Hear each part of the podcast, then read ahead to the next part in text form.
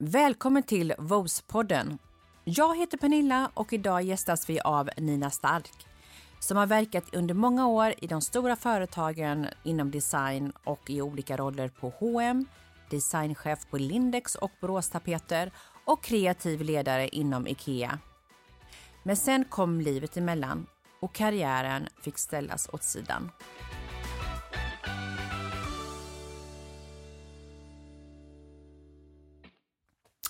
Varmt välkommen Nina! Tack! Du, jag tänkte, det är ju fredag och allt och när vi sänder det här avsnittet nu så är det ju faktiskt nyårsdag. Nyårsdagen för mig är ju alltid ett nytt kapitel. En speciell känsla och en ny känsla med ett nytt år. Eller hur? Känner inte du så mm. lite grann också? Mm. Mm. Att eh, första dagen på året är liksom, ja, lite speciellt och det är ett år att minnas och förra året var ju verkligen ett år som jag tror de flesta ville lägga bakom sig eh, med tanke på pandemin och allt tråkigt som, eh, som det kom med sig. Eh, ja, många som tragiskt gick bort i covid och företagen som gick i konkurs och detaljhandeln som rasade. Så, för så var det ju mm. 2020. Och just den här branschen detaljhandeln har ju du verkat mycket i, Nina. Mm. Och under många år då i de stora företagen som eh, design inom olika roller inom H&M exempelvis. Ja. Eh, och designchef på Lindex och inom Borås Tapeter. Mm. Och kreativ ledare också inom IKEA. Ja. Ingen Stämmer. dålig karriär. Nej, jag har haft många roliga jobb. Ja, du har det. Ja, det förstår jag. Jag tänkte, kan du berätta lite grann om resan och eh, framförallt hur du kom in på det här yrkesvalet? Mm. Och det kan ju tyckas lite konstigt när man växer upp i Jönköping som jag har gjort. Att man bestämmer sig för att bli designer, för jag kände ju ingen som var designer, gick inte att jobba som det när man bodde i Jönköping. Men jag hade väl en idé om att jag var duktig på att rita och jag gillade sykläder. Och då blev det enkelt val att då kan jag ju bli kläddesigner. Ja.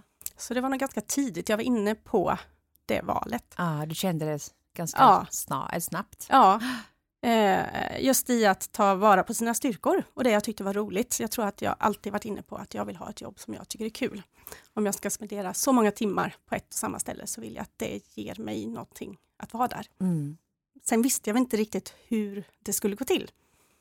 Eh, så jag gick samhällsvetenskaplig till exempel mm, på gymnasiet. En bred, ja, ja just tyckte föräldrarna var bra. Ja, precis. hade man alla möjligheter sen. Ja.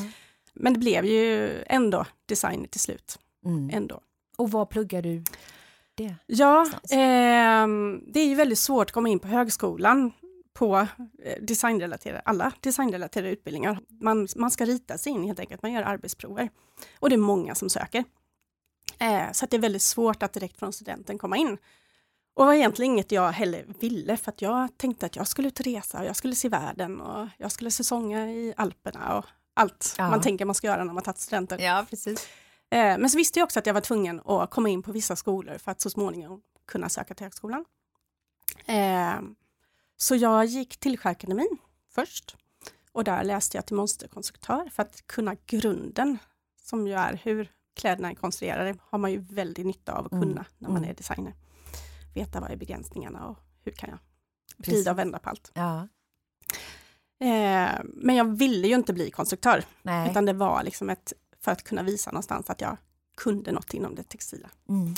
Eh, och sen så, när jag var klar med det så sökte jag in till högskolan och, med arbetsprover då. Eh, och då hade jag ju bara varit ute ur gymnasiet ett år. Eh, sökte, trodde inte jag skulle komma in. Nej. Men jag kom in. Så då fick jag ju lägga alla andra planer på hyllan ah. och så började högskolan. Kul! Hur var ja. de åren? Var det som du eh, trodde? Jag tror inte jag hade en bild av hur det skulle vara, för jag hade ingen aning. Och vad som är så galet är att man pluggar, jag pluggar totalt fem år, till något som jag inte har en aning om vad det är, eller mm. hur det kommer bli. Jag vet ingenting om arbetslivet när jag gör det. Det är ju helt otroligt egentligen. Ja, och tänk vad det är många som gör så. Eller ja. alla gör ju så egentligen. Ja, men vad bra det hade varit om man hade kunnat eh, få praktisera eller få lite mer mm. livserfarenhet och jobberfarenhet innan. eh, hade varit bra. Men, nej, men det var fantastiskt roligt att plugga, absolut. Och i Borås, som jag då gick på Textilhögskolan, mm.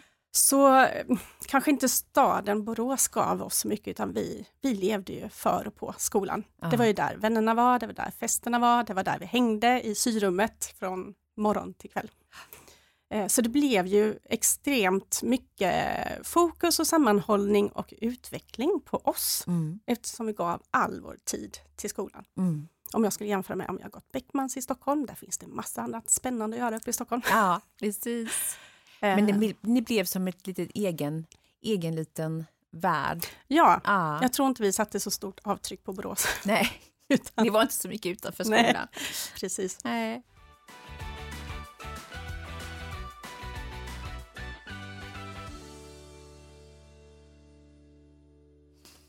Efter studenten mm. så vet jag att du åkte till Italien. Ja, det stämmer. Och det var en lite rolig berättelse. Ja, om. Jag sa innan att jag gillar att resa eh, och tänkte mig att jag skulle jobba mycket utomlands. Så att mitt första utomlandsjobb hittade jag ihop med två vänner på Arbetsförmedlingen i utlandspermen. Så satt ett papper att vill du jobba i Italien på en eh, på ett, en restaurang och disco. Och då tyckte vi att det lät ju superbra. Det är klart vi vill. Så vi sökte jobbet och vi fick jobbet, så vi var typ ett par dagar efter studenten så reste vi ner till södra Italien och började jobba. Eh, det var ju fantastiskt härlig tid. Mm. Vad som är lite roligt i det hela är ju att eh, mitt enda jobb jag fått på Arbetsförmedlingen visar sig vara ett jobb för maffian i Italien. Eh, så de var dina arbetsgivare? Ja, och vad man på förstod? Ja, ja, och vad man förstod, för dem är det ett sätt att, att, det är ett sätt att ha, vad ska man säga, livet, eh, hur, oh, hur ska jag förklara eh, För oss låter maffia så stort och ja. hemskt, men för dem är det en affärsidé. Ja. Det är ett sätt att driva business. Man tillhör olika maffias och man har en business och då får man skydd. Vilket gjorde ju att vi hade, vi var ju supertrygga. För alla visste ju vilka vi jobbar för. Precis, ingen vågade göra någonting nej, er. Så ja, vi tyckte att nej, men, italienska män, de var väl inte för närgångna, för det var ingen som vågade göra något för oss som inte vi själva nej. ville, utan tvärtom. Vi åkte på jättemycket trevliga utflykter och gjorde massa skojgrejer där ah. och blev extremt väl omhändertagna. Ah. Men jag måste ändå fråga dig då, mm. var det någon gång du märkte att jag är i en liksom en del där maffian verkar. Ja, vad som, alltså... kom fram, vad som kom fram efter ett tag, det finns ju olika eh, familjer så att säga. Mm. Och eh, vår familj låg lite i fejd med en annan familj, mm. vilket gjorde till slut att det blev polisrazzia där vi jobbade. Mm. Så att vi skulle på förhör till polisen. Eh, och det här var någon gång i augusti. Jag hade fått reda på att jag kommit in på en skola jag gärna ville gå. Vi, hade, vi skulle ha stannat september ut. Men då kände vi lite att, men shit, gå till polisen, hur känns det? Känns inte så bra, Nej. vi har grejer på gång hemma. Ja. Och så hade vi träffat eh, ett par killar som eh, jobbade på ambassaden i, i, eh, i Rom. Och de skulle åka hem från sin semester. Så att vi gjorde helt enkelt så att vi, vi smet mitt i natten. Vi, vi smet ut genom fönstret med alla våra ah. prylar. Ni och lämnar. Vi rymde. Och åkte hem till Sverige. Åkte hem till Sverige. ja. Det är nästan som en film. Eller hur? ja. Med roligt minne, förstår jag. Ja. Ja. Kul.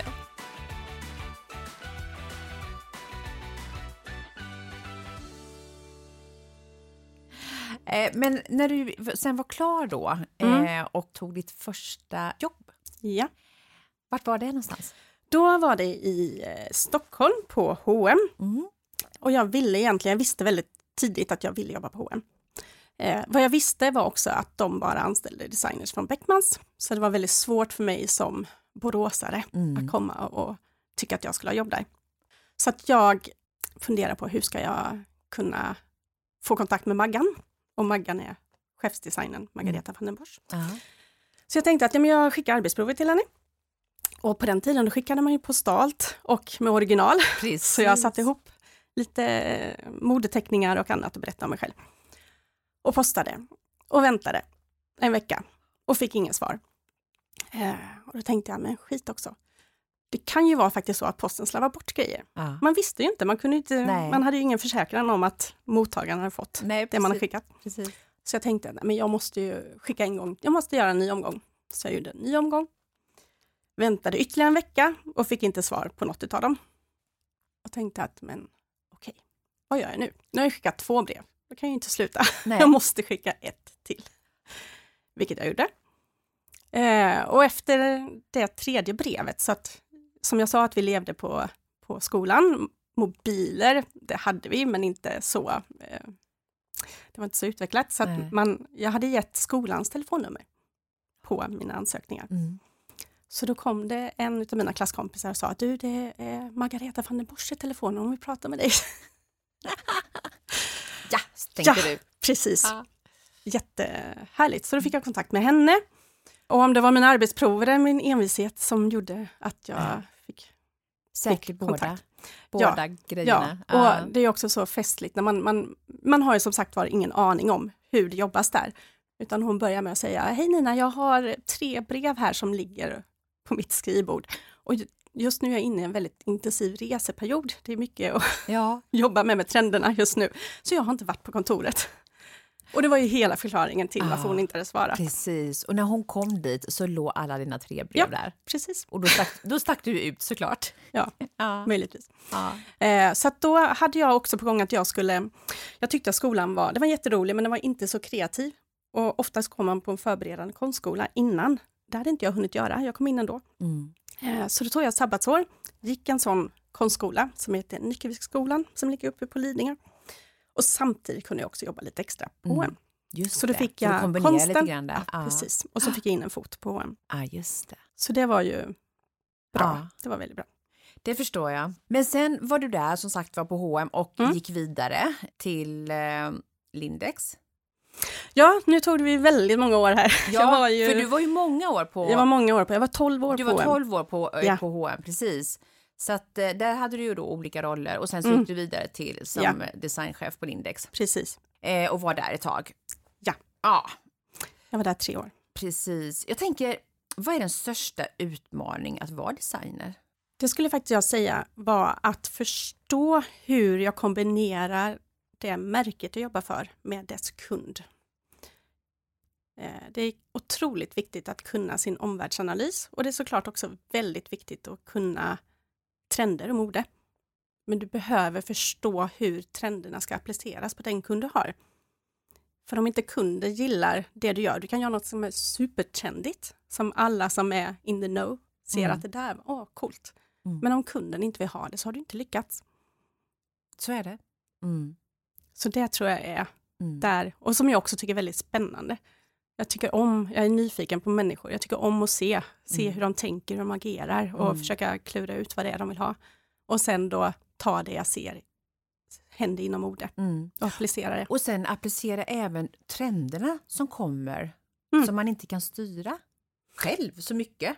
Ja, man kan ju ehm, göra det, men mm. man, hur det än är så är det ju ändå trender som liksom kommer ut över hela, alltså globalt i hela mm. världen. Mm. Och det är klart att man måste ju plocka upp dem tendenserna i sitt egna designarbete mm. lite. Ja, absolut. Eh, hur, hur, balanserar man det egentligen? För man är ju väldigt kreativ som designer. Ja. Och så ska man också ta emot nytt, nya inputs utifrån. Mm. Jag tror att det, det sker per automatik. Om man är designer, så här, intressant när jag var i Borås. Man hade knappt råd att köpa tidningar. Internet fanns ju knappt. Jag kunde inte resa. Eh, och jag, som jag sa, man levde på skolan. Men jag levde ju väldigt kreativt och sen hade jag drömmen när jag skulle komma till H&M där visste jag att det fanns alla tidningar från alla länder, hur mycket jag mm. bara än ville. Så mycket inspiration. Och så vet jag att jag kom dit och så bläddrade i liksom italienska Vogue och alla flashiga tidningar. Och jag blev inte överraskad. De var inte så mycket före mig. Jag trodde att jag skulle lära mig så mycket av de tidningarna. Men jag var där av mig själv. Mm. För bara det att jag levde i tiden och var kreativ så man ser samma saker ungefär samtidigt. Mm. Och sen beror det på vart du lägger dig, om du ser det där dina grannar är eller om du jobbar med mode så du ser det, att det här är på gång och det här är något som kommer bli stort. Så det, det, är egentligen, det är ganska enkelt mm. Eh, mm. när man väl är inne i det. Jag tänker, det är ju liksom förutom det kreativa och, och, att man ska liksom sitta och skissa och designa så finns det ju andra saker i ett, i ett företag som ändå som påverkas i i ditt kreativa och det handlar ju många gånger kanske om en budget man ska hålla. Mm. målsättningen med, med den här kollektionen som kanske företagsledarna har. Ja, hela affärsmodellen egentligen för att allting mm. ska gå ihop sig ihop mm. med det kreativa. Mm. mm. Kan det vara liksom att man man drar från olika håll lite som, eh, som man som mm. designer mm. får ta hänsyn mm. till. Ja absolut, jag tror att det också var någonting som när jag började på H&M, då var man assistent eller designer eller Maggan. Det Aha. fanns liksom inga andra alternativ. Det, det var Men, lite smidigare då? ja, jag tror att, att design, då var design bara plaggrelaterat. Vi skulle göra plagg, vi skulle fylla en kollektion och det var x antal modeller vi skulle göra till varje ny säsong. Sen så, precis som du säger, så är det ju också eh, ekonomer vill ju ha en försäkran om att det här trenden kan hålla och hur, för, hur pratar jag då som designer så att ekonomen blir lugn? Vad är det jag behöver visa den personen för att säkra att ja, men vi tänker rätt här och det här är det vi ska satsa stort på och det här som är mest trendigt och det ska vi ha med. Så att eh, i takt med att jag var på H&M så växte H&M och jag fick växa och många andra med mig så att det kom nya designroller. Det blev liksom man blev märkesansvarig designer. Eh, och då jobbade man ju mycket mer med det övergripande. Då lämnar man plaggen och så designar man trenderna i förhållande till den kunden. Jag var på hennes till exempel. Mm. Eh, och då sätter man vad är, vad är hennes trend? Det är inte alla trender som är för hennes kunden, men vilka passar henne och hur gör vi dem? Med mm. vilka färger, med vilka kvaliteter? Och det måste jag kunna presentera innan det blir plagg. Mm. För dels så måste jag ju visa mina designers en riktning. Att det är hitåt vi ska gå så de vet hur de ska designa. Men vi måste också visa det uppåt mot cheferna så att de känner sig trygga med mm. de planer som finns. Mm. Du jobbar mot, som, som, eh, ja, men som designchef så jobbar man då ifrån två olika håll hela tiden? Eller med ja, två olika ja, håll? Mm. och det är ju extremt kreativt och det trodde jag kanske inte från början. Jag vill jobba med kläder. Ja. Men sen inser man att du använder ett kreativt tankesätt även om du inte är den som håller i pennan. Eh, och då mm. handlar det om att, att, eh, skapa visionen och skapa den på ett så tydligt och bra sätt så alla tycker att de kan ha det som en målbild. Ja.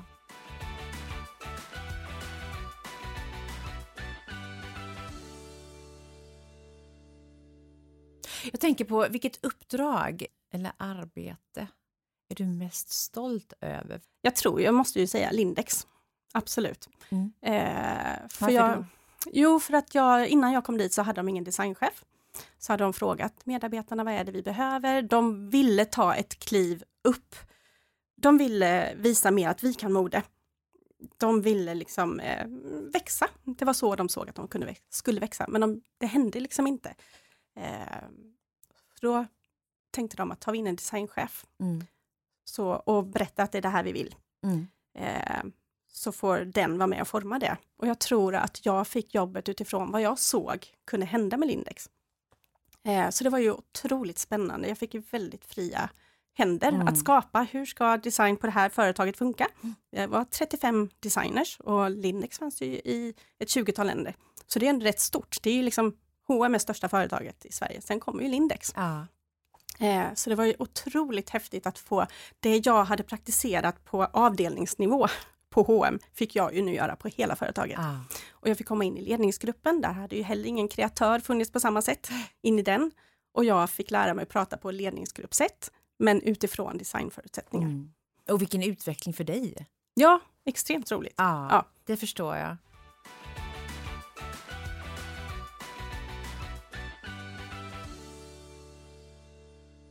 Jag tänkte när du började på Lindex där Nina, så gjorde du ganska, vad ska man säga, mm, olika eh, förändringar och mm. Eh, du kom in med ny inputs och så vidare.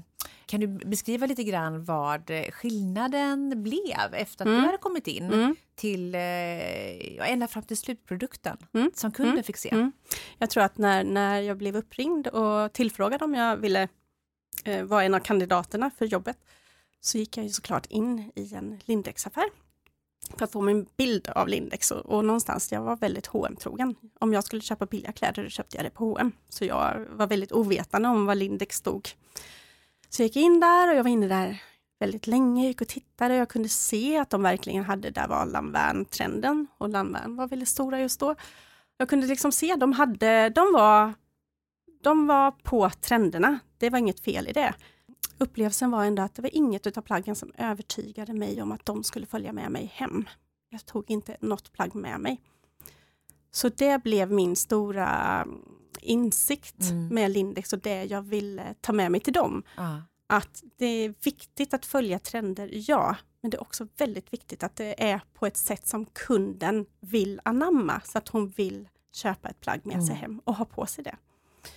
Som en viktig, viktig Det är del. superviktigt ja. för att du kan bara eh, gå in i en butik och se att man är rätt enligt trenden, men ändå inte vilja ha plaggen. Och då är det något som inte har klaffat. Man förhåller sig till en kund. Eh, hm kunden och Lindex-kunden är väl egentligen samma. Och när jag kom till Lindex, då hette det väldigt mycket i korridorerna, åh vi måste göra det här för H&M har det här och nu måste vi göra det där för mm. Sara har det. Mm. Och någonstans, Lindex har en begränsning. De har en viss antal yta som är betydligt mycket mindre än H&M eller Zara. Då kan inte Lindex ha varenda trend som Zara eller H&M eller andra konkurrenter har. Nej. Utan då måste man välja. Och vad som är så bra med val, det är självsäkerhet. Om du visar väldigt tydligt att det är de här valen vi har. Mm. Det här tycker vi att du som vår Lindex-kund, det här passar dig. Vi väljer bort det där, då får du gå till H&M väljer bort det där och då får du gå till, till Sarah eller någon mm. annan. Men vi är det här. Och vi, vi står för på. detta. Vi ah. står för detta, vi är mm. bäst på det här. Mm. Det ger en självsäkerhet och en tydlighet som syns in i butiken. Så det var en av de viktigaste grejerna, att, att lära alla att förstå. Nej, vi kan inte göra alla trender. Vi kan se en trend, vi kan lyfta upp på den och titta på den och tycka att den är snygg. Men den är inte för oss. Bort! För att kunna göra det vi väljer ännu mycket bättre. Mm. Och vad var det då som Lindex var bra på? De var väldigt bra på vardagsplagg. Men de kanske var det på ett lite tråkigt sätt. Så hur kan vi övertyga kunden om att Lindex är rätt? Jo, då måste vi börja där vi redan är och twista. Vi kan inte börja med att lägga på ett trendlager på allting, för då matchar ju inte eh, vardagslooken med, med trenderna och då Nej. ser det inte bra ut. Nej. Så eh, när vi skulle ha en höstkampanj, då hade man alltid stretchbyxor och en kofta och koftan slutade någonstans på höften. Eh, men då blev en av mina viktigaste grejer att göra, mm. det var att vi skulle göra en långkofta. Det var nytt, det var jättenytt med långkofta. Jag tror inte ens Acne hade dem än när Nej. vi började planera det här. Vi måste ha en långkofta och de bara, ja okej okay då, vi vågar ta ner den 15 centimeter så hamnar mitten på vaden. Jag bara, nej, nej, nej, nej, den ska ner till knäna. Den ska vara längre. Och det var så läskigt ja. för dem att göra en kofta som gick ner till knäna. Och jag ville egentligen göra ankellång, men knäna, där kunde vi ändå mötas, ja. för det var ändå en markering. Och är det någonting alla kvinnor behöver på hösten? Vi behöver en kofta, ja. men vi vill ha det på ett nytt sätt. Och jag tror att jag köpte den. Gjorde du det? Ja. ja. För det, jag kommer ihåg att Lind, ja. alltså Lindex var ju väldigt tidig med de här koftorna ja. som har funnits länge nu. Men eh, Ja, men det, man reagerar på mm. att eh, koftan det hängde på Lindex Det var så viktigt och jag var jättejobbig i många ögon, tror jag. Men, men jag det blev ju storsäljare. Ja, och jag tror att i efterhand förstod de vad det var jag ville åt. Och sen blir det mycket enklare att våga nästa gång. Men att våga på något som är bekant, men twista till det, det är inte så läskigt. Det är ofta väldigt bra. Mm. Och det märkte ju såklart slutkunden. Ja, kunden, ah. ja, och vad som var så häftigt med den transformationen som Lindex ändå genomgick, det var att vi... Nej, försäljningen sköt inte höjden. Men ofta när man förändrar ett märke så förlorar man kunder, så det går ner. Mm.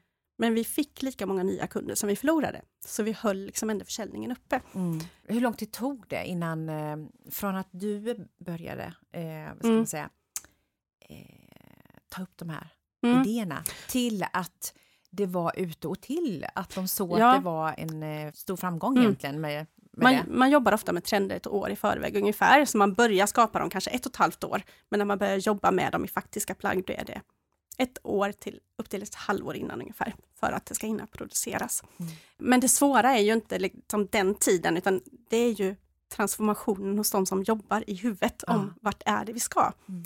Och den lyckades vi göra ganska så snabb och det tror jag är för att jag hade jobbat så mycket med de bitarna på H&M innan, att hur, hur eh, skapar man en tydlig trend? Hur säkerställer man att det också blir det vi sa att vi ville göra? Eh, så att jag hade väldigt bra verktyg med mig ner till Lindex, mm.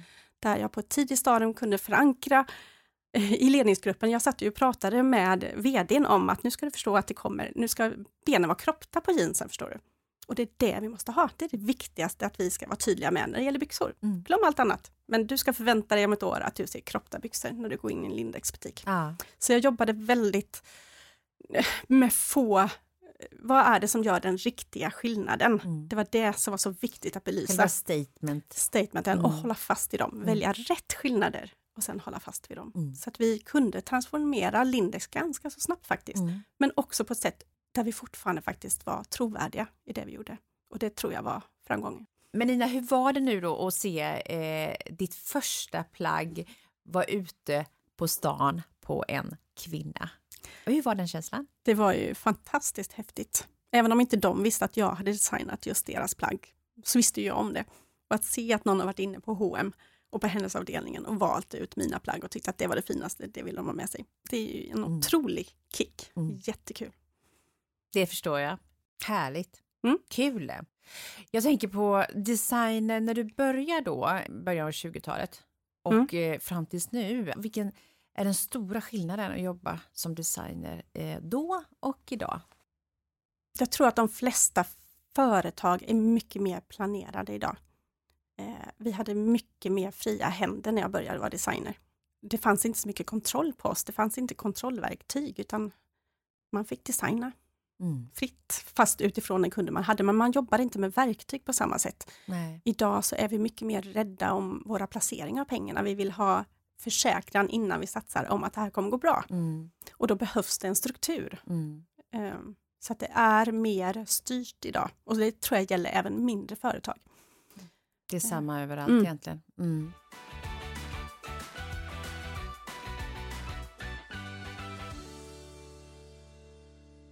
Jag vet att du har varit med i en bok också mm. som heter Bli företagarinna.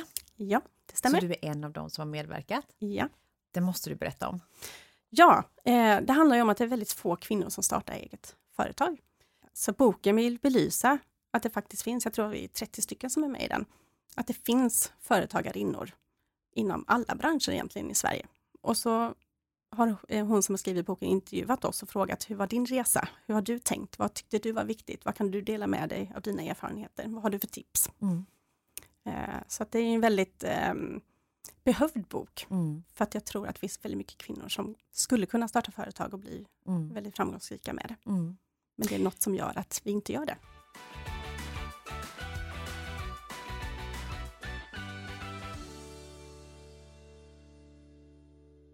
I samband med den här boken också som du är med i mm. eh, så har du ju arbetat på ett företag också med många starka kvinnor som har byggt upp ja. H&M. Berätta lite om det. Nej, jag tycker att det, det är väldigt häftigt. Jag tror att det var något jag tog för givet. Jag är ju skolad på H&M. För mig var det normalt att man bara jobbar med kvinnor. För det var så det var. Ja. eh, chefer var kvinnor och medarbetare var kvinnor. Alla var kvinnor. Eh, speciellt för mig som jobbar med damkläder på, på ungdom och eh, här är det ju lite mer uppblandat. Men, men H&M är ju väldigt mycket byggt på starka kvinnor och det tycker jag inte har lyfts fram tillräckligt mycket. Men jag tror också vi eh, byggde en, vad ska man säga, en, en eh, framgångssaga. Man var duktig på att rekrytera människor som vill snabbt framåt. Jag har aldrig varit på ett ställe som har så snabb takt i hur de jobbar. Mm. Och det fattar jag inte heller för jag lämnade H&M och såg hur, vilken pace en normal arbetsplats ah. hade. Eh, så väldigt villiga att, och hungriga på att nå ett mål. Och om det målet inte visar sig vara rätt så man väldigt eh, snabbfota på att ställa om. Ah. Och det har ju skapat att det gått så bra för H&M. Mm. Men jag tror också att man kan ju prata om att nej, men, kvinnor kan vara bitchiga i arbetslivet, det blir vassa armbågar. Mm. Men det tror jag också är en sanning där det finns, där det från början är mycket män. För då får de få kvinnorna som får finnas med där, de måste vara bitchiga och måste ha starka armbågar för de tävlar om väldigt få platser. Männen tävlar om många platser, ja. men kvinnorna tävlar om få platser. Precis. På H&M fick vi ha alla. Ja. Så vi behövde ju inte vara bitchiga. Vi behövde vara duktiga och visa vad vi ville. Mm. Men det skapar ju också eh, inte alls en bitchighet. Jag har inte alls den upplevelsen av kvinnor. Jag, jag älskar att jobba med kvinnor. Ja. Det är ju ett sätt för mig att lite säkra upp att saker och ting blir bra. För det är min erfarenhet. Att det är ett eh, stort driv bland kvinnor? Det är väldigt stort och driv och vi tar vet, mycket eh, ansvar ja. och vi levererar. Vi ser till att det blir det vi säger att vi ska göra. Så jag litar väldigt mycket på kvinnor. Det är inte så mycket jidder. Mm. Nej, men jättekul att höra, för det är ju inte så på på vissa arbetsplatser så är det ju väldigt mycket armbågar men Mm. Kul att höra. Ja, det är möjligt, men jag tänker också att det, det har något att göra med förutsättningarna vi får mm. i det företagen vi är. Mm. Får vi bara ett visst antal platser, men är många, mm. då måste vi, då, då tvingar ju den situationen fram armbågarna mm. mer än att vi egentligen kanske hade dem från början. Så får vi vara med och tävla om alla platser och låt bäste man få bästa jobb. Mm. Om det hade varit lika villkor så hade det sett helt annat ut tror jag. Mm. Eh, så det är också en sån erfarenhet när man lämnat H&M när man märker när man börjar jobba med män och på andra arbetsplatser att det, det är um, lite annan mentalitet. Um, jag tyckte det var väldigt tryggt också att vara i den kvinnovärlden. Det ah. var väldigt lätt att veta hur man skulle vara. Ah.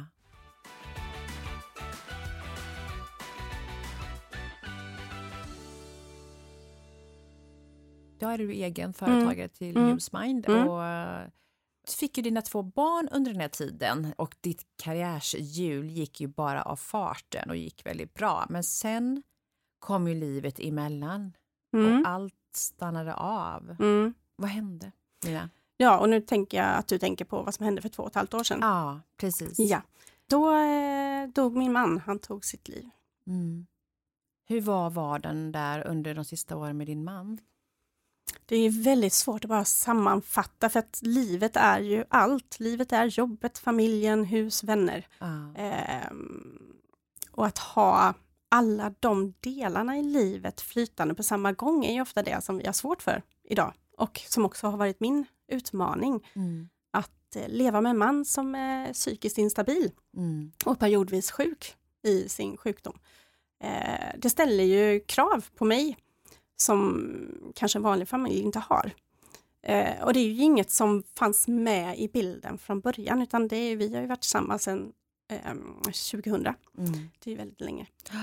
Så att det var ju inte så det började utan det var ju något som kom ungefär samtidigt som att vi fick barn. Mm. Så började hans eh, psykiska instabilitet visa sig. Mm. Eh, så det är klart att det i omgångar har varit en utmaning för oss mm. och för mig för dig också att få ihop det här livspusslet med ja.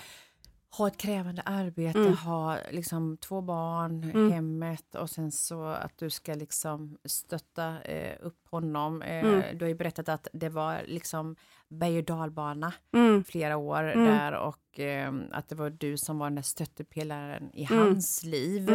Alltså hur var det? Alltså, ja. Känslan nu efteråt när du fått lite ja, distans till det? Det är ju, um, om man bara ska ta att ha ett krävande jobb, jag tror att jag alltid haft väldigt mycket energi och varit engagerad. Det är roligt med det man jobbar och då, då jobbar man mycket och, och liksom, man gör det bra. Eh, det kan också bli ett andhål att veta att även om det är kaos hemma så är jag bra här. Mm. Kan man släppa det i huvudet och bara fokusera på jobbet. Det kan ju också vara eh, skönt att ha. Men det är ju det när det är krävande på jobbet och krävande hemma, det är då det blir svårt. Och det är ju då jag också måste välja eller så som jag valde i alla fall, då valde jag hemmet och jag valde min man. Mm. Att det är där jag behöver foka. Eh, så att om det bara är krävande hemma med lugnt på jobbet, då är det okej. Okay. Men det är när det blir krävande på båda sidorna mm. som det blir jobbigt och svårt mm. att hålla det. Eh, men jag tror också att vad som, om man ska säga vad som kan vara bra, när, när, när vi träffades, om vi bara ska backa dit och mm. prata, så var det ju en väldigt stark kärlek från början. Eh, Mackan var en person som var väldigt glad, utåtriktad, det hände mycket.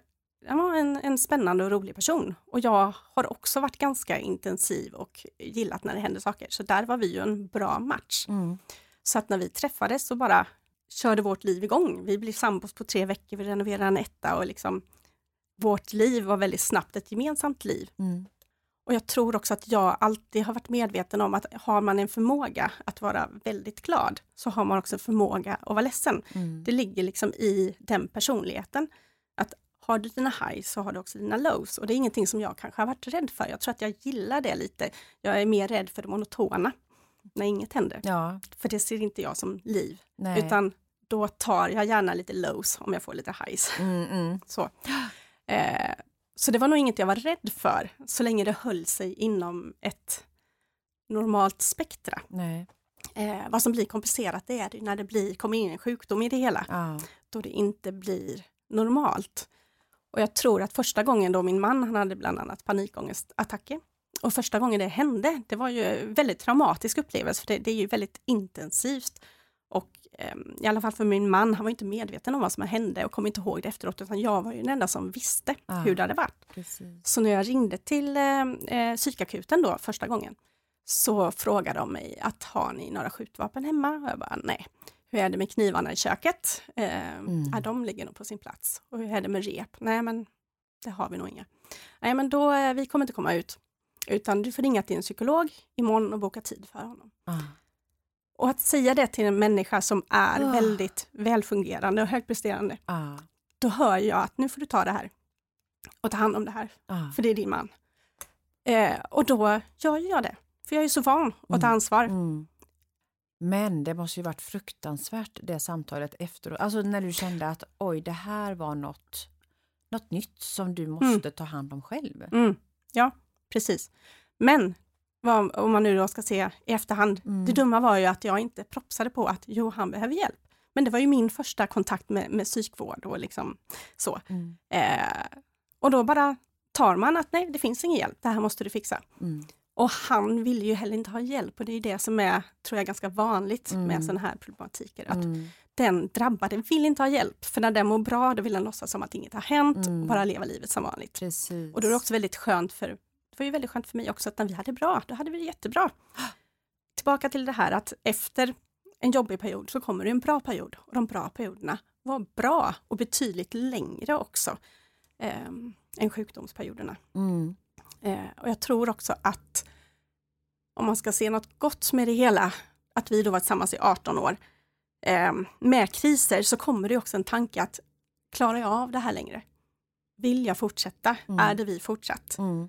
Och för varje gång man fortsätter, då har man ju tagit ett beslut. Mm. Jo, det är vi. Precis. Så man omprövar ju sitt förhållande mycket oftare än om du bara lever på. Ja. Och jag tror ofta det är det som kanske blir problem i, i normala förhållanden. Mm. Man tappar vad man är för varandra.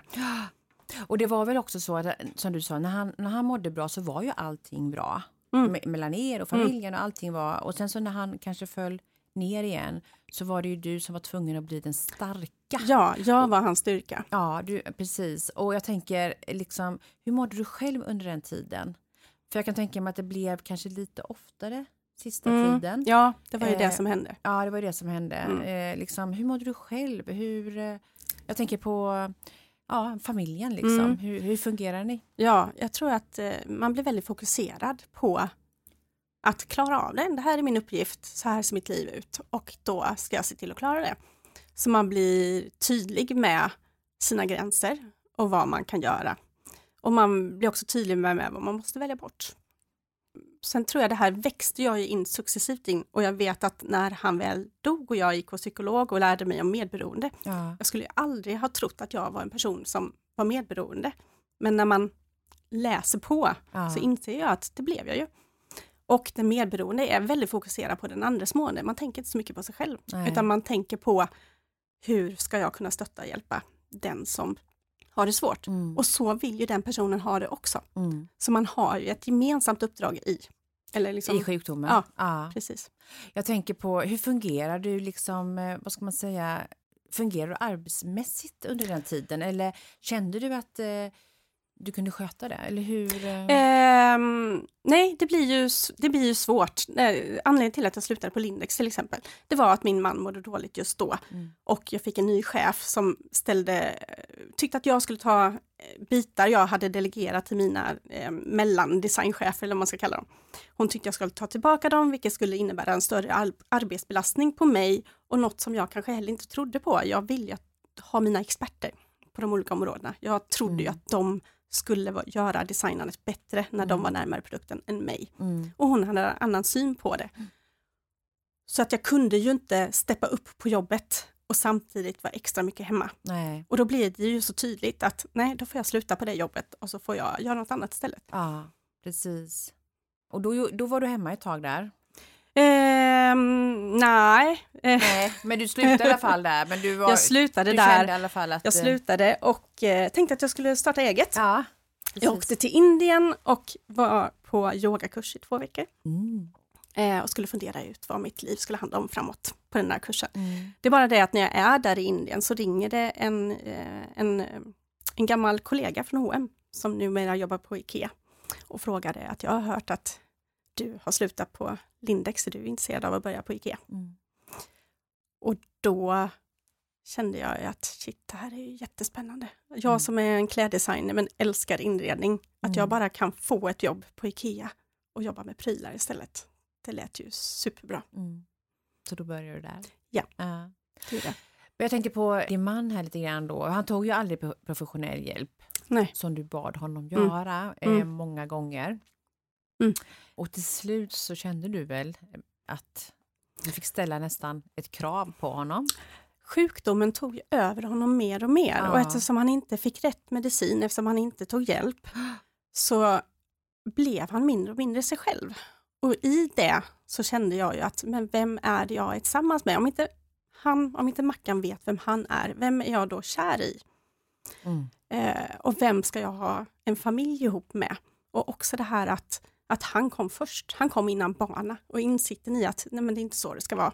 En vuxna, vi, vi är vuxna, mm. vi ska ta hand om oss själva och vi ska ta hand om våra barn. Precis. Så att jag tror att jag i det hela hade mognat att det här är inte rätt.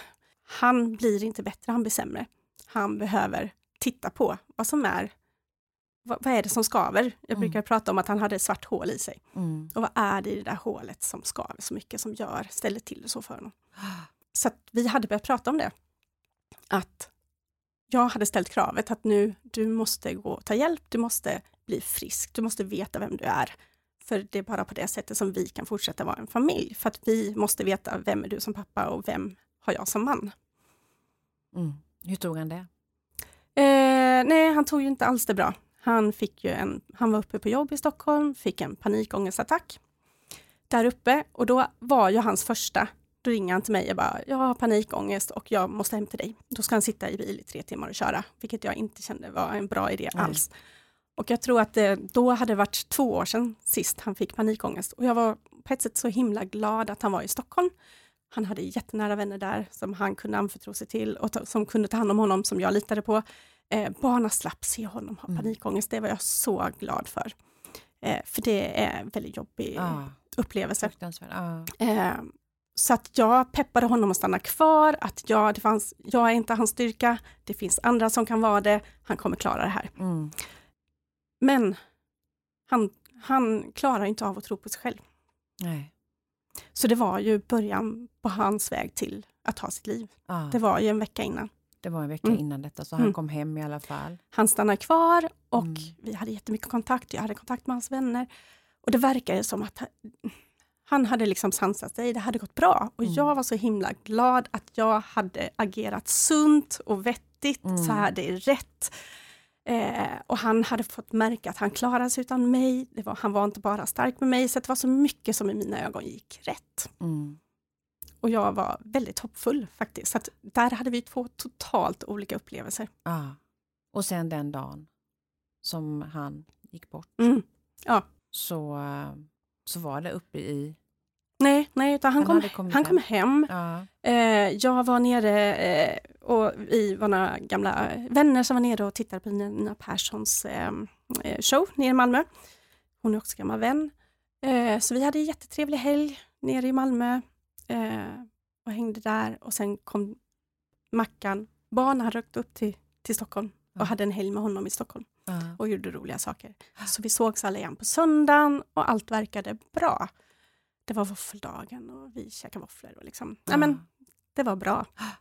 Eh, och sen så hade han bokat tid hos eh, vår familjeterapeut. Mm. Eh, så vi skulle gå och prata med henne. Och där öppnar jag mig upp och berättar om, alltså ännu mer än vad jag gjort innan, att jag berättar att så här ligger det till, han behöver hjälp. Ah. Eh, Berättade, ja. ja. Och blottade honom också lite grann. Ja, det, men ändå ja, absolut så gjorde jag det. det ju kanske för att... Ja, och hon gick helt på min linje. Ah. Hon spände ögonen i honom och nu måste du ta tag i dig själv, du hör vad Nina säger, du är viktig, du måste må bra. Så ta hjälp. Eh, mm. Och då tror jag han blev väldigt, han kände sig nog väldigt sviken av både henne och mig. Att mm. vi inte längre ställde upp på det han tyckte att han behövde. Mm. Och det kanske är lite skam också i detta? Så jag tror att det är jättemycket skam ah. och det är det som är så tråkigt. Eh, är man uppväxt med att psykisk sjukdom, det finns inte. Nej. då är det väldigt svårt att ta det på allvar sen när ja. man är vuxen själv. Ja usch, fruktansvärt. Sen efter hans bortgång då, mm. hur var, hur var liksom, hur blev vardagen där? Eh, nej men det blir ju kaos. Ah. Absolut. Ah. Ja, även om han har sagt till mig innan att han kan tänka sig att ta sitt liv. Och då har det ju varit vid stunder då han har mått riktigt dåligt. Ah. Så jag kunde inte tro att det kunde hända ändå. För mig, för mig är det så otänkbart att man gör en sån sak så att jag förstod inte. Mm. Och det är ju konstigt, mm. men jag mm. förstod inte att det fanns som en reell tanke i Nej, hans huvud. En riktig tanke. Nej, att det var en utväg. Nej. Um, så att livet det blev ju, nej men tillbaka till det basala. Um, har mina barn det bra? Mm. Hur klarar jag mig i det här? Hur kan jag vara stark för dem och för mig mm. själv? Uh, men det blev också faktiskt att jag, tillbaka till att jobbet blir um, det är skönt att jobba. Mm. Att veta att där är det som vanligt, där kan jag fortfarande bidra och där mm. kan jag göra något bra. Mm. Sen orkar man ju inte på samma sätt. Uh, men jag hade väldigt uh, förstående team kring mig. Precis, du fick en liten plats att andas på kanske? Mm, precis. När man kom till, ja. till ja. arbetsplatsen. Och, ja. ja, usch, fruktansvärt hemskt.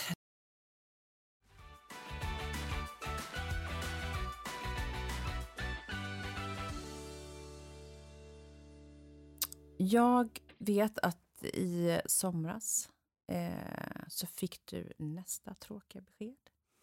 Ja, och vi skulle ju egentligen podda då och du ville mm. skjuta på det mm. på grund av att du har fått ett jobbigt besked. Och jag fick en sån stark känsla Nina, att det var bröstcancer. Mm. Jag vet inte, men du vet, jag bara kände att det var något sånt. Mm. Och jag vet inte om det har med att min syster fick också diagnosen bröstcancer i somras, men eh, ja, vad, berätta gärna liksom från början där. Mm. Eh, när du åkte upp och undersökte dig? Och ja, jag, den. Eh, en av mina bästa vänner fick bröstcancer i somras mm. och så har jag en vän sen innan som också hade det, som också är ung. Så var det liksom första gången jag på riktigt hade det nära mig. Mm. Eh, och sen när jag då kände en knöl i bröstet i somras så tänkte jag att men Nina lägg av nu, nu har du cancer nära, nu nojar du. eh, mm. Man har ju olika typer av bröst. Eh, och knölar i bröstet är för mesta inte cancer, utan det är bara naturliga körtlar som får inflammation och så känner man av den. Ehm, jag hade ingen aning om att de flesta knölar inte var cancer, för man blir ju så rädd när man får höra talas om att en knöl i bröstet är cancer. Jag visste inte heller att om du börjar närma sig klimakteriet så kan du ta ett blodprov och få reda på om du är i klimakteriet eller inte. Mm. Det är ju superenkelt. Ja. Jag hade ingen aning. Det är så Nej, många... vet det? Nej, egentligen. och det är så många som går och funderar, är jag klimakteriet eller inte? Och så är det bara så lätt att gå till en gynekolog och ta ett blodprov och så vet du. Ah. Så behöver du inte fundera och du vet du också hur du ska bete dig med det beskedet. Precis. Ja men det var ju något nytt och det mm. tror jag väldigt få vet faktiskt. Mm. Så det var ju super. Mm. Så att jag var ganska cool med det ändå, att jag tänkte att jag har inte cancer. Eh, det är en knöl och den kommer gå bort. Mm. Men det gjorde den ju inte. Så till slut så går jag och undersöker den. Och även när, jag skulle ju, samma dag vi skulle ses, det var ju då jag var uppe hos läkaren, och det kan ju tycka att det, det visar verkligen att jag inte trodde att det var cancer. Jag hade ju aldrig bokat ett möte med dig samma dag Nej. om jag trodde att jag skulle få cancerbesked. Så att jag var ju väldigt säker på att det, som sämst så blir det en operation, att, att knölen inte kommer liksom, gå tillbaka utan fortsätta vara inflammerad. Ah. Eh, men det var ju inte det beskedet jag fick, utan jag fick ett cancerbesked. Mm. Mm. Hur tar man emot ett sånt cancerbesked? Hur, vad är första tanken? Nej, men jag blev bara nollställd, ah. tror jag. Det, det, tar ju ett tag att sjunka in mm. en sån vetskap. Och sen blir man ju, eller jag i alla fall, blir väldigt praktisk. Mm. Okej, okay. man lär sig, man kan, man kan, man vet om bröstcancer. Mm. Det finns ju tusentals varianter på bröstcancer lär man sig i nästa andetag. Ja, nästa diskussion med, ja, med läkaren. Precis, så, för det är det de presenterar. Det... Du har bröstcancer och det betyder att du har den här typen av bröstcancer ja. och det betyder att det finns den här typen av behandling och det betyder att du har den här överlevande eh, ja, procenten. Mm. Och så får man ju hela behandlingsprogrammet, DISH, på en mm, gång. Mm. Så att eh, en månad från att jag var på vårdcentralen och fick remiss upp och, mm. och eh, till mammografin så fick jag min första behandling. Ja, det gick så snabbt. Mm. Mm. Och det är ju eh, som sagt var många olika slags former av, mm. eh, av cancer. Mm. Kan du berätta lite grann vad, för man, man hör många olika cancerformer, att det är en trippelnegativ och det är mm. en eh, du som är lite insatt nu, mm. om du bara tar några cancerformer, mm. vad innebär mm. de? Om vi väljer ja, några stycken bara. Det finns ju det här positivt och negativt och det är om man är hormonkänslig eh, cancer eller inte. De flesta har hormonkänslig cancer. Trippelnegativ är inte det då. Nej. Eh, jag har en variant som heter HER2 och den är aggressiv, precis som trippel är aggressiv. Men sen fem år tillbaka så finns det väldigt bra mediciner just på min slags cancer, så det har liksom ökat överlevandegraden till 95% bara de senaste fem åren. Mm. Så att först Underbart. att få höra att jag har en aggressiv variant, mm. då blir man, sjunker man ju ner och tänker, oh shit, nej, ja. varför skulle jag just få den aggressiva? Men just i det, på grund av de nya medicinerna, så är ju inte den varianten sämst att få längre. Vilket är skönt. Mm. Så att någonstans, ja det är skit att ta sig igenom, ja. kommer bli jobbigt. Men jag kommer leva. Jag är väldigt säker på att jag kommer leva. Ja, och jag känner att du är ju så otroligt stark i dig själv med, Nina. Och du har gått igenom en tragedi innan mm. med din man. Mm. När vi träffades för ett tag sedan så sa du att jag har lärt mig mycket om mig själv och hantera mm. mm. sådana här tråkiga Mm. Tråkiga besked helt mm. enkelt. Kan du beskriva hur du tänker då? Ja, det är egentligen två grejer som, som har hjälpt mig väldigt mycket. Eh, den första grejen var, första gången jag liksom, jag har jobbat väldigt länge och det är ju lätt att tro att det varit en solskenshistoria, att jag har liksom gått från designassistent på H&M till designchef på Lindex. Men på den vägen och genom de åren, det är klart att det varit jobb som inte alltid har, jag har inte rott dem i land. Mm. Eh, så min första sån erfarenhet eh, på H&M där jag faktiskt sa att nej, jag kan inte ha den här tjänsten längre för då kommer jag gå in i väggen. Det, det funkar inte. Mm. Eh, jag vill gärna vara kvar på H&M. Eh, så fick jag jobbcoach, tre jobbcoachsamtal. Och då när jag är första gången hos den här kvinnan så lägger jag fram allt, bababa, det här har hänt, så här är det och nu sitter jag här, vad har jag att lära? Och då bara tittade hon på mig och sa, men du, det kanske inte finns något att lära. Shit happens. Mm. Och jag blev så arg på henne. För jag är så inne på att klart det finns något att lära. Och hon bara, nej, du är kanske helt rätt i vad du gör. Och de andra där är också helt rätt i vad de gör. Men kombon av er, det blev fel. Ja. Så lägg inte energi på att försöka hitta meningen med det. Nej. Utan titta istället framåt. Titta på, vart vill du vara? Hur kan du fortsätta vara den du är och bra på ditt sätt och vart ska du då vara? Mm. Och det var så skönt. Mm, att inte analysera. Att inte behöva analysera. Nej. Allt som händer har inte en mening. Nej. Det är inte så. Shit happens. Precis. Så den har hjälpt mig faktiskt jättemycket i livet. Jag, jag, jag behöver inte försöka se en mening med att Mackan dog. För det är, finns ingen mening. Det är ingen tröst i det. Men vad jag kan känna är att vi, Mackan dog, men vi lever. Mm. Och då ska vi leva. Mm. Och vad gör vi med det livet? Mm. Bra jag tror, inställning, Nina.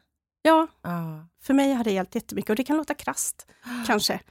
Men att välja att se, hur skapar jag mitt liv? Okej, okay, min man dog. Sjukt jobbig upplevelse mm. på alla sätt. Och det gör ju att jag eh, känner mig som Yoda på insidan. jag känner mig ofta väldigt gammal. Mm. På grund av mina erfarenheter. Mm. Men det har ju också hjälpt mig i cancer, när jag fick cancern. Jag har ju varit igenom något som var jobbigare.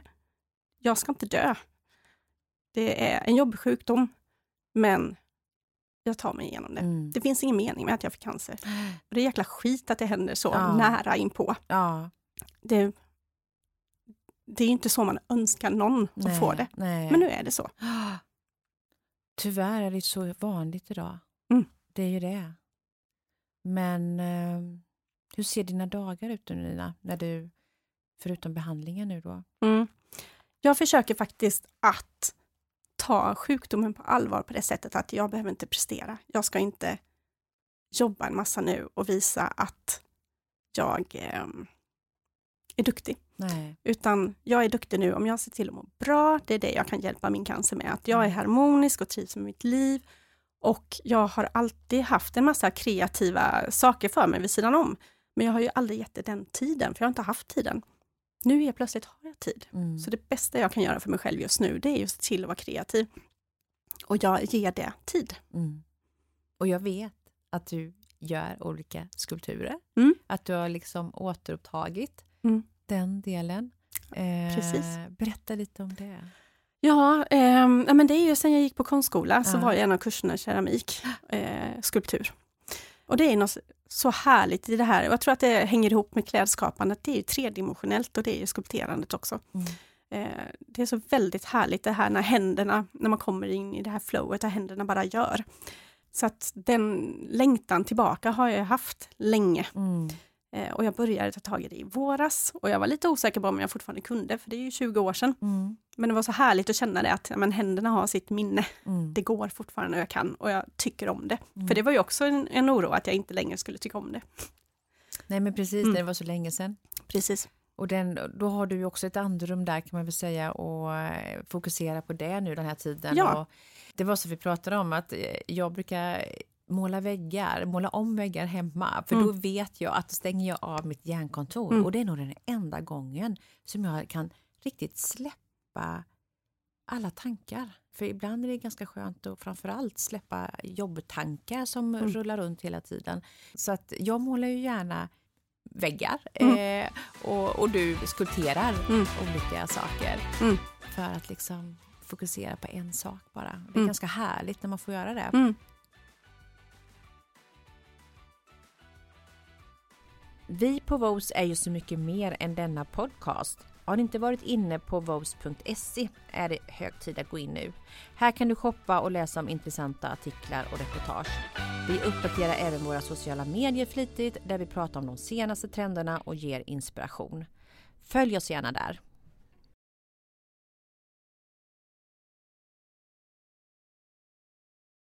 Om vi går tillbaka till din sjukdomsbild lite grann då.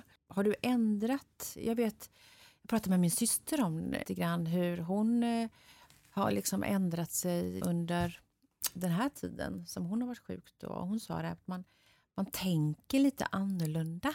Mm. Och man kan, tänka, man får, kan få tankar som man knappt inte kanske vill prata med någon annan om utan de bara kommer som man kanske inte hade liksom fått annars. När man ställer sig inför såna här besked och, och diagnoser. Liksom. Eh, har du ändrats någonting när det gäller eh, hur du vill leva eller mm. ja, hur du tänker framåt och sådär?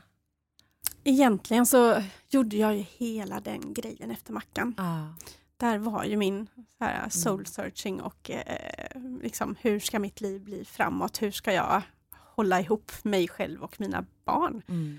Hur ska min vardag se ut? Så att jag, lite, det var nästan en av mina första tankar när jag fick cancer, men shit, nu kommer jag inte eh, jag har redan gjort den här resan. Jag behöver inte göra den igen. Nej, så lite känner jag liksom att Kanske att jag kommer på några nya sanningar om mig själv i det här också, men det kommer inte alls vara på samma sätt. Det, det, är för färskt det andra.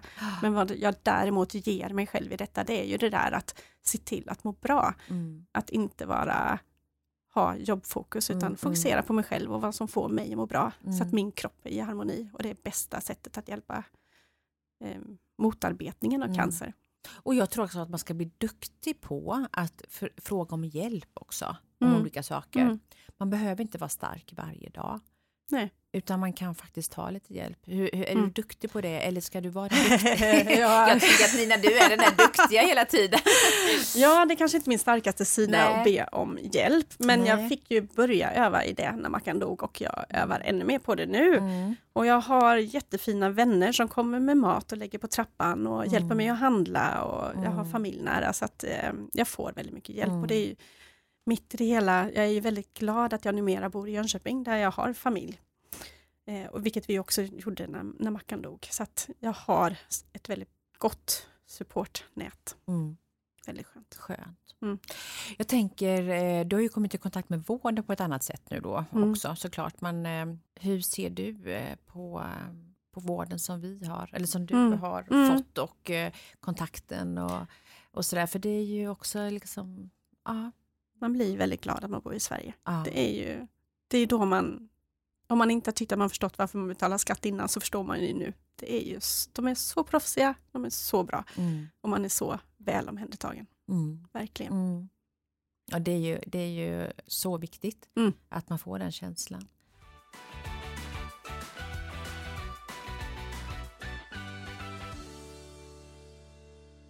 Jag tänker avslutningen här då, Nina. Vad, vad ser du dig i framtiden? Vad är dina planer framöver? Alltså ja, både ja. karriär, eftersom vi har pratat mm. om det, men även privat och, mm. och liksom... Mm. Jag tror så här, jag, om det är något jag blir frustrerad över av mitt liv de senaste åren, det är att jag inte har kunnat göra vad jag velat i min karriär.